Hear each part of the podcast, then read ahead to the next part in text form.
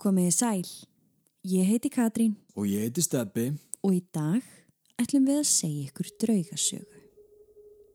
Gamli Tuele spítalinn í Utah er í dag eitt þekktasta haunted Halloween hús sem búið var til ganggert til þess að hræða úr fólki líftóruna og það gegn greiðslu.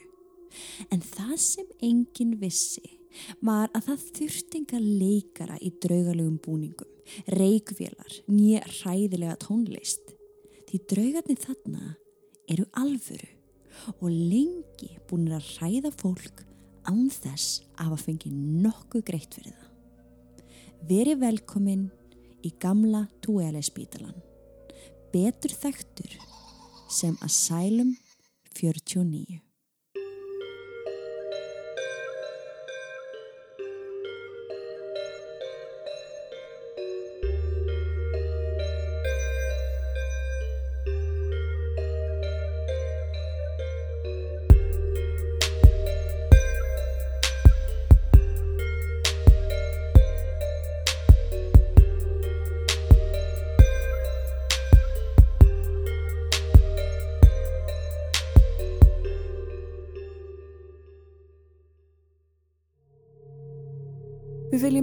að draugasögnar okkar eru ekki við hæfi barna yngre en 13 ára nema með leifi fullorna. Og með því hefjum við sögu dagsins.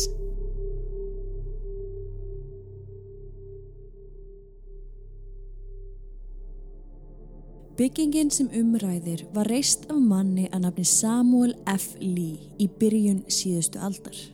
Hann byggði húsið upphaflega fyrir sig og fjölskyldu sína og þarna byggu þau alveg til ársins 1913.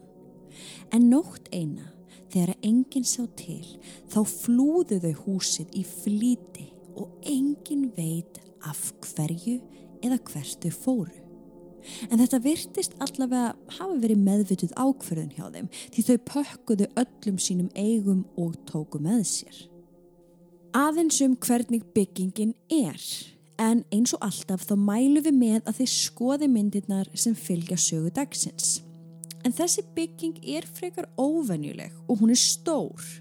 Það eru tröppur sem leiða þig að framhlið húsins sem er byggð í einhvers konar boga og þar eru margir stórir gluggar sitt hverju megin við aðalingangin sem ná alveg frá gólfi og upp í þak. Svo ef maður stendur á móti inganginum Mm þá sér maður að út frá þessum boga að þá koma einhvers konar vangir báðu megin og sá vinstra megin virðist vera lengri en sá hægri. Hægra megin getur maður þó séð einhvern risastóran turn eða jafnvel stróm. Já, en húsið er í rauninni bara á einni hæði, er það ekki? Jú, Já. En eftir að fjölskyldan flúði heimili sitt og augljóst var að þau myndi ekki snúa tilbaka þá þurfti að ákveða hvað ætti að gera við þessa núna tómu byggingu sem enginn virtist eiga. Mm Það var því ákveðið á bæjarfundi að breyta þessu gamla fjölskyldu heimili í fátækra heimili og afdref fyrir heimilislausa en það var margt heimilislaust fólk í Júta á þessum tíma. Þessi starfsemi gekk ágætlega í einhver ár en með tímanum fór íbúum í Tuele og Utah þó að fjölga. Og fljótlega fóru hátsettir aðilar að átta sig á að það væri sóun að nota svona stóra og fína byggingu undir fátæklinga. Og voru flestir sammála um að þarna væri hendugt að stopna sjúkrahús. Og þannig varð Tuele sjúkrahúsið til. Svo árið 1953 opnaði sjúkrahúsið dyr sínar í kringum fallegu fjöllin í Júta og var fyrsta nútímanlega og svona nýtískulega sjúkrastofnunin í borginni. Emitt og við hefum nú talað um margar þannig stofnanir sem Já, já. þessar nýjustu og flottustu og, og þessi stofnun var ein af þeim.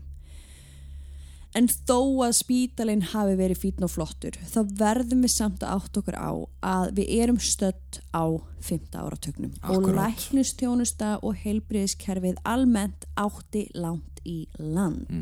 Svo jafnvel þó að íbúar fengu framúskarandi umunun þá fjekk sjúkrahúsið fljótt á sig óheillandi viðurnefni. Sjúkrahús döðans.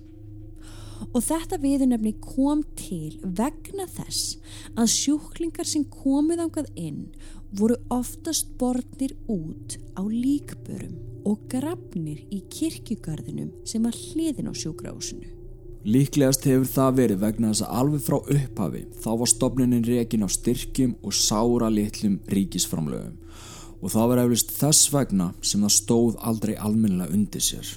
Já, ég veit ekki hvað svo sniðut að vara að hafa sjúkrahúslegin á kirkjugarði.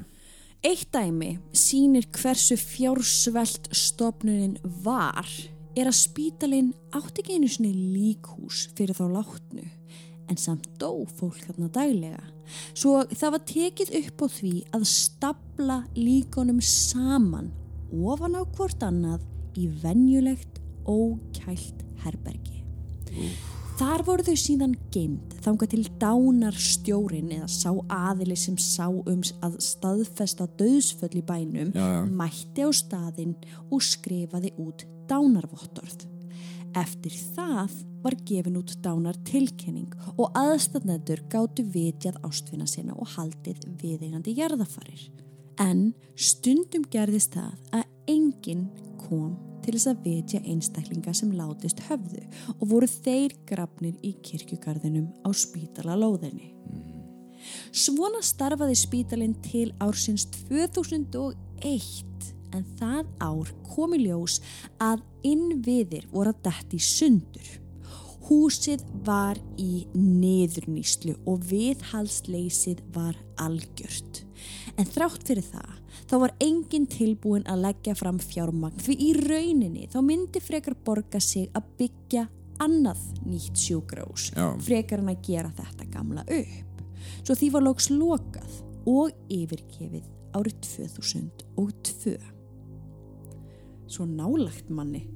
Ég veit það og þetta er samt svo fjarrri okkur hérna á Íslanda því það er allt gert upp og lagað og við skiljum Já, aldrei hús bara eftir og Nei. bara herðum, förum bara eitthvað annað. Nei. En þarna árið 2002 að þá var byggingunni skipt í tvent og öðrum helmingnum var breytt í dvalarheimili fyrir aldraða og hinn helmingurinn hann var í rauninni bara látin vera sem sagt bara yfirgefin spítali. Það var allt skilið eftir eins og læknar og hjúgrunarfræðingar höfðu lagt frá sér sín tæki og tól gengið út úr byggingunni og horfið. Og þetta finnst manni líka alltaf jafn magnað. Bara að skilja þetta eftir af því það átt einhver allir sér tæki. Aldraðir íbúar dvalarheimilisins fóru samt fljótlega að verða varir við lítil börn hlaupa hingað og þangað um gangana. Ekki allir en þó nokkrir og þessi gamalmenni sögðu starfsfólkinu frá því hvað þau voru að sjá. En starfsfólki vissuðu þetta, það voru engin börn á svæðinu. En svo kom ákveðið minnstur í ljós. Fljótlega eftir að einhver sá barn hlaupa eftir ganginum eða inn í herberginu sínu, þá dó hins sami stuttu setna.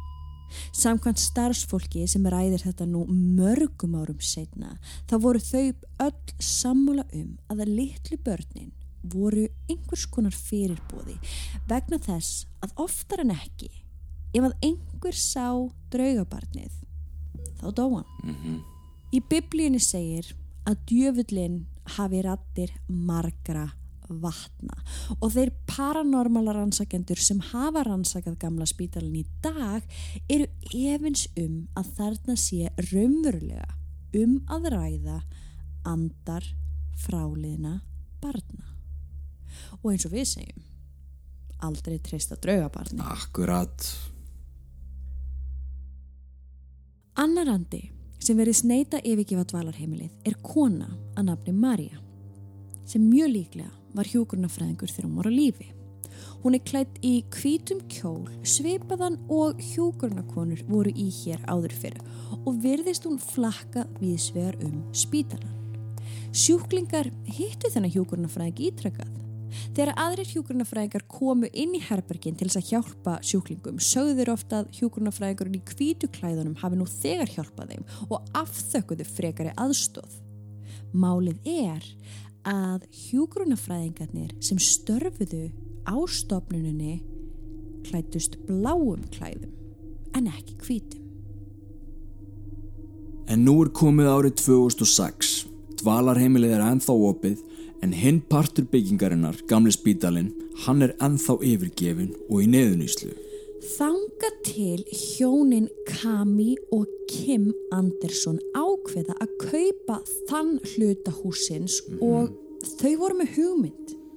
Þau vildu breyta þessum gamla spítala í Haunted Attraction eða á íslensku einhvers konar Halloween draugahús með risastóru völundarhúsi. Já.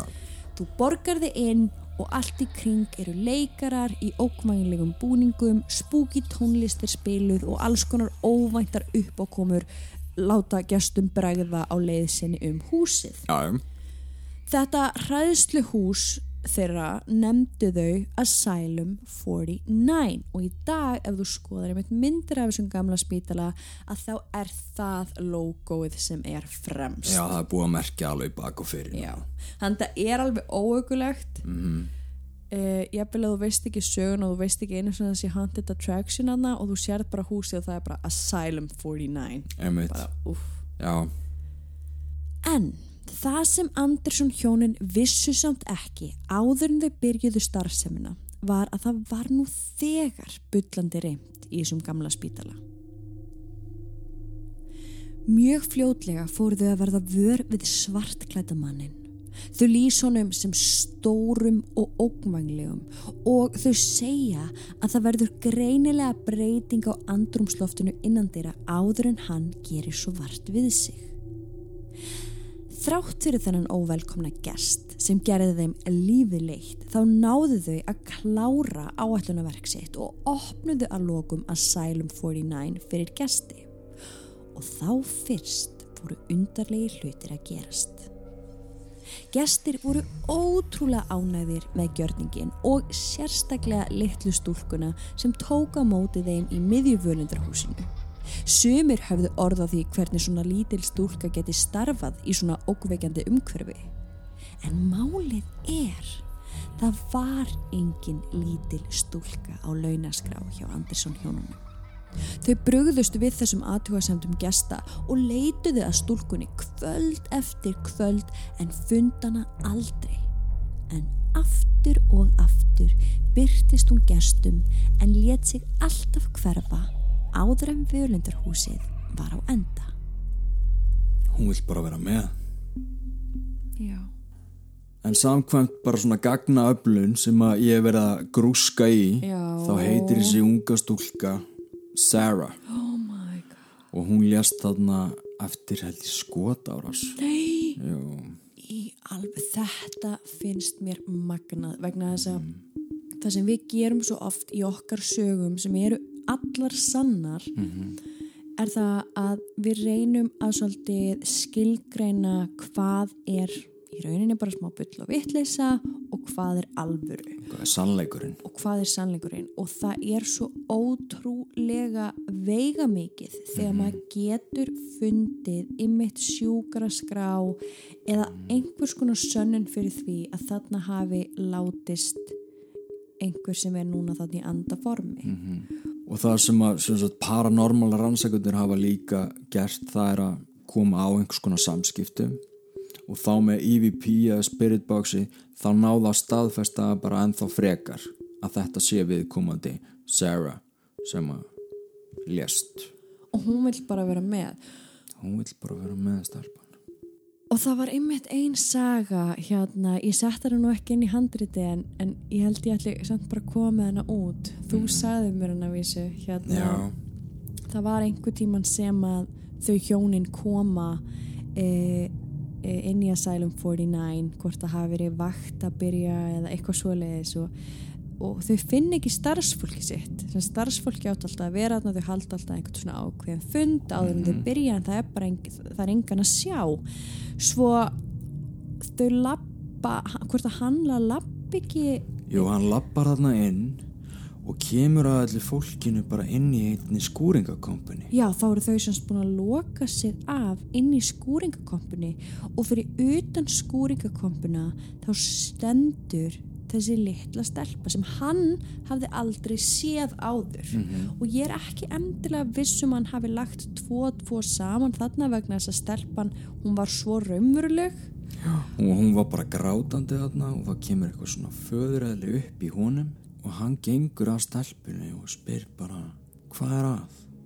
og hún svarar grátnandi hún svona lítur á hann og hún segir mér langar bara svo líka til þess að hræða fólk og hún er mjög fræð þannig í þessu húsi þó hún sé ekki partur af leikurunum og, og hún áða til, það er svona, svona set up þar sem einhver á að vera andsetin mm. og viðkomandi segir pappi, pappi, ég er andsetin Já.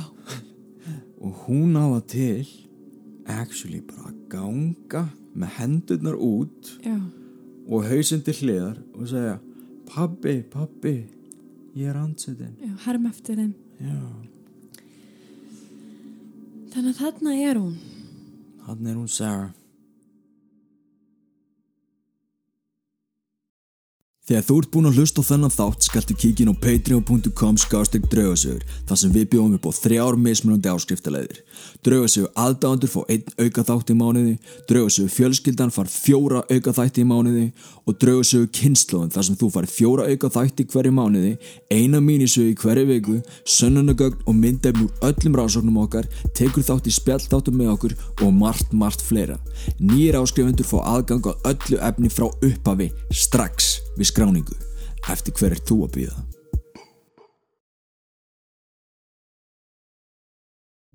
Vinsaldir drauga túrana uh, í Asylum 49 heldu áfram að aukast og samhliða því játa þau hjónin að hafa algjörlega búið þurru skyndilega fengið verulega þráhyggju fyrir tölunni þrýr og fóru að haga lífi sínu samkvæmt því Þau gerðu allt í þrennu, til dæmis með því að sjá til þess að hurðin sé öruglega læst, þá, þá aðtuga þau þrísvar sinnum. Já, Því að þau banka, þá banka þau þrísvar sinnum. Og þau gátt ekki einu sinni svarað í síman fyrir en þau voru búin að láta hann ringja þrísvar sinnum. ok, þetta er svolítið skrítin árátta Og það sem er svolítið ógulegt við þetta er að eins og við sögðum hér að ofan er þessi árátta þeirra fyrir tölunni þrýr hún er ekki bara í vinnunni hún er líka bara í þeirra persónlega lífi alla daga. Akkurat Það er nefnilega áhugavert minnstur á þessu gamla sjúgrási og spítalinn hefur í gegnum tíðina getið sér stórt orðspor fyrir töluna þrýr. Sagan segir að sjúklingar sem voru þarna í líknandi meðferð á dvalarheimilinu hafi látið lífið í hópi þryggja. Þegar einn einstaklingur dó þá mátti búast við tveimur öðrum til viðbútar stuttu setna og þetta klikkaði ekki. Það er, það er bara óhugulegt Vá. Svo óhugulegt og svo munið eftir svartklætamanninum sem þau hjónin voru að sjá þarna alltaf í byrjun. Já, hann sést alltaf klukkan þrjú. Og ef þau eru búin að hlusta vel þá erum við núna búin að segja ykkur frá þremur öndum sem sjást hvað helst í byggingunni þannig að það mætti segja að byrtingamyndirnar séu alltaf þrjár já Og við hefum rætt þetta áður en talan þrýr er tengt djöflinum. Hann banka til dæmis þrísvarsinnum og hafa fræðingar staðfest að það sé hans merki um að gera lítið úr henni heilegu þrenningu. Númer djöflisins er þá 666 en það þryggjast af að tala þrísvarsinnum. Einmitt. Og þá er tímabært að segja ykkur söguna um allræmdasta herbergið á spítalunum sem er talið það allra hættulegasta og það er nánast pottjætt að þaðan gangi engin út nema með rispur og klurfur af hendi ósýnilegra afla. Herbergisnúmerið er, jú, númer 6 og réttilega er búið að bæta við tveimur sexum í viðbót sitt hvori megin bara til að kynnta aðeins meir í bálinu þarna. Auðvitað, auðvitað. Svo grófar hafa sumar árásunar verið að lögregla hefur oft verið kölluð á vettfang. Við erum að tala um alvöru dæmi Já, Það væri ómögulegt að segja ykkur frá öllum tilkynningunum og vittnisspurðunum sem þaðan hafa komið um alvöru draugagang en það er einn sem vekur sérstaklega mikinn óhug. Sagan hljómar einhvern veginn svona og takið eftir þetta herbergi, þetta herbergi númer 6, þetta herbergi sem við erum að fara að tala um, það sem allar árásunar hafa gerst, þetta herbergi er inn á dvalarheimilinu. Dvalarheimili er ekki starfandi í dag. Næ, Þannig að þetta er ekki herbergi sem að einhver gestur getur farið í í Haunted Attraction. Þetta er bara herbergi sem stendur algjörlega tóm. algjörlega sko En tveir hjúgrunafræðingar sem voru á vakt á dvalarheimilinu sáu eitt sinn svartklætan mann ganga inn í herbergi sjúklings, loka og læsa hurðinni svo eftir sér. Þeim fannst þetta sérkennilegt en það var heimsóknatíma löngulokið og engin átti að vera að fara inn í herbergi sjúklinga nema þeir. Svo annar þeirra gengur að hurðinu og bankar. En engin svarar. Hinn hjúgrunafræðingurinn skarst þá í leikin frekar pyrraður yfir þessari uppákomu svo hann bankar enn fastar á hurðina og kallar til mannsins að opna á stundinni. Þeir býða, en enginn kemur til að opna. Svona halda þeir áfram í einhver tíma þángar til þeir ákveða að annar þeirra skuli hlaupa inn á skrifstofu og ringja í lögurökluna á meðan hinn standi við hurðina ef svo kynni að maðurinn myndi opna. En það gerðist ekki. Hjúgrunafræðingurinn ringir í laurugluna og lýsir aðstæðum. Lauruglan mætir á svæðið með lásasmið með sér. Lásasmiðurinn hefst strax handa en það var nokkuð ljóst að hann gætt ekki opnað lásin á hurðinni. Þá ákveður lauruglan að brjóta upp lamirnar og taka dyrnar bara af. Þegar hurðin var fjarlægð hlupu hjúgrunafræðingarnir inn en komu að sjúklingnum látnum. Engin annar var í herberginu og af öryggis ástæðum átti ekki á nokkurn hátt að vera hægt að læsa hurðinni innanfrá. Á þessu augnablíki, þegar þau standa þarna öll fyrir framann að látna sjúklingin, hjúgrunafræðingarnir, lögreglan og lásasmiðurinn, þá heyraðu hlátur lítillar stúlku bergmála fram á ganginu. Það er öruglega ekki Sara okkar sko. Nei, það er eitthvað eitthva dekkra Það er eitthvað mun dekra. Og líka bara þess, þetta atvik er, Já, þetta er bara eins og böðlin þetta er bara eins og búið. Hann er bara að fara að ná í sálan Það er að vísu einn andi í viðbútt sem gerir reglulega vart við sig. En það er maður að nafni Vess. En samkvæmt skýrslum uh, þá var hann sjúklingur þarna og þjáðist af Alzheimer's. Já, Hann fór aldrei út úr herberginu sínu nema rétt svo fram á gang og svo beint aftur inn í herbergi. Það er víst til mynd af þessu manni svo það fer víst ekkert á meðlega mála að það sé andi hans sem er þarna á ferli. Sumir halda að hann þjáist enn af sjúkdómi sínum í næsta lífi og fari ekki lengra en bara út úr gamla herberginu sínu, rétt fram á gang og svo aftur inn.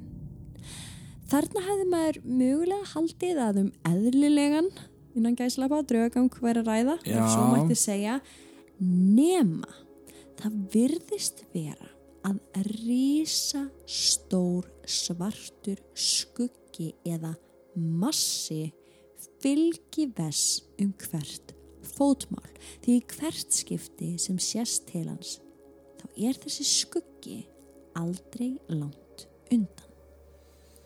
það finnst mann eiginlega bara svolítið sorglegt Ekkert smá sorglegt. Hann bara hafa eitthvað nefið sér bara í eftirlífinu -hmm. og hvað maður veit hvað svo lengi Þessi andallega sést ekki jafn oft og uh, þreminningarnir Nei, sem við vorum að tala um áðan en, en hann sést allavega og hefur sést og, og einhvern veginn alltaf með þennan massa með sér. já, Það er eins og að sé eitthvað bara búið að bara, bara taka hann yfir einhvern veginn Já, og taka hann yfir og sérstaklega sko, þegar þú deyrið úr Alzheimer þá ertu ekki að það er ekki að fylgja þér hínu megin sko. Nei, þetta er bara mjög sorglegt sko. Þeir sem næmir eru og fjölmargir miðlar og paranormal rannsakjendur hafa sammælst um að bakvið spítalan sé portal. Já, við hefum rætt þetta í nokkrum þáttum Já, já. allavega það sem að portal er bara svona ákveðið hlið eða op í aðra vít sem að virkar þá í báðar áttir Sagt, þetta er bara svona opin dyra gæta sem andar eru að fara inn og út og þar sem þessi portal eru sögð vera þar er virknin töluvert meiri Já. eins og gefur á skilja -hmm.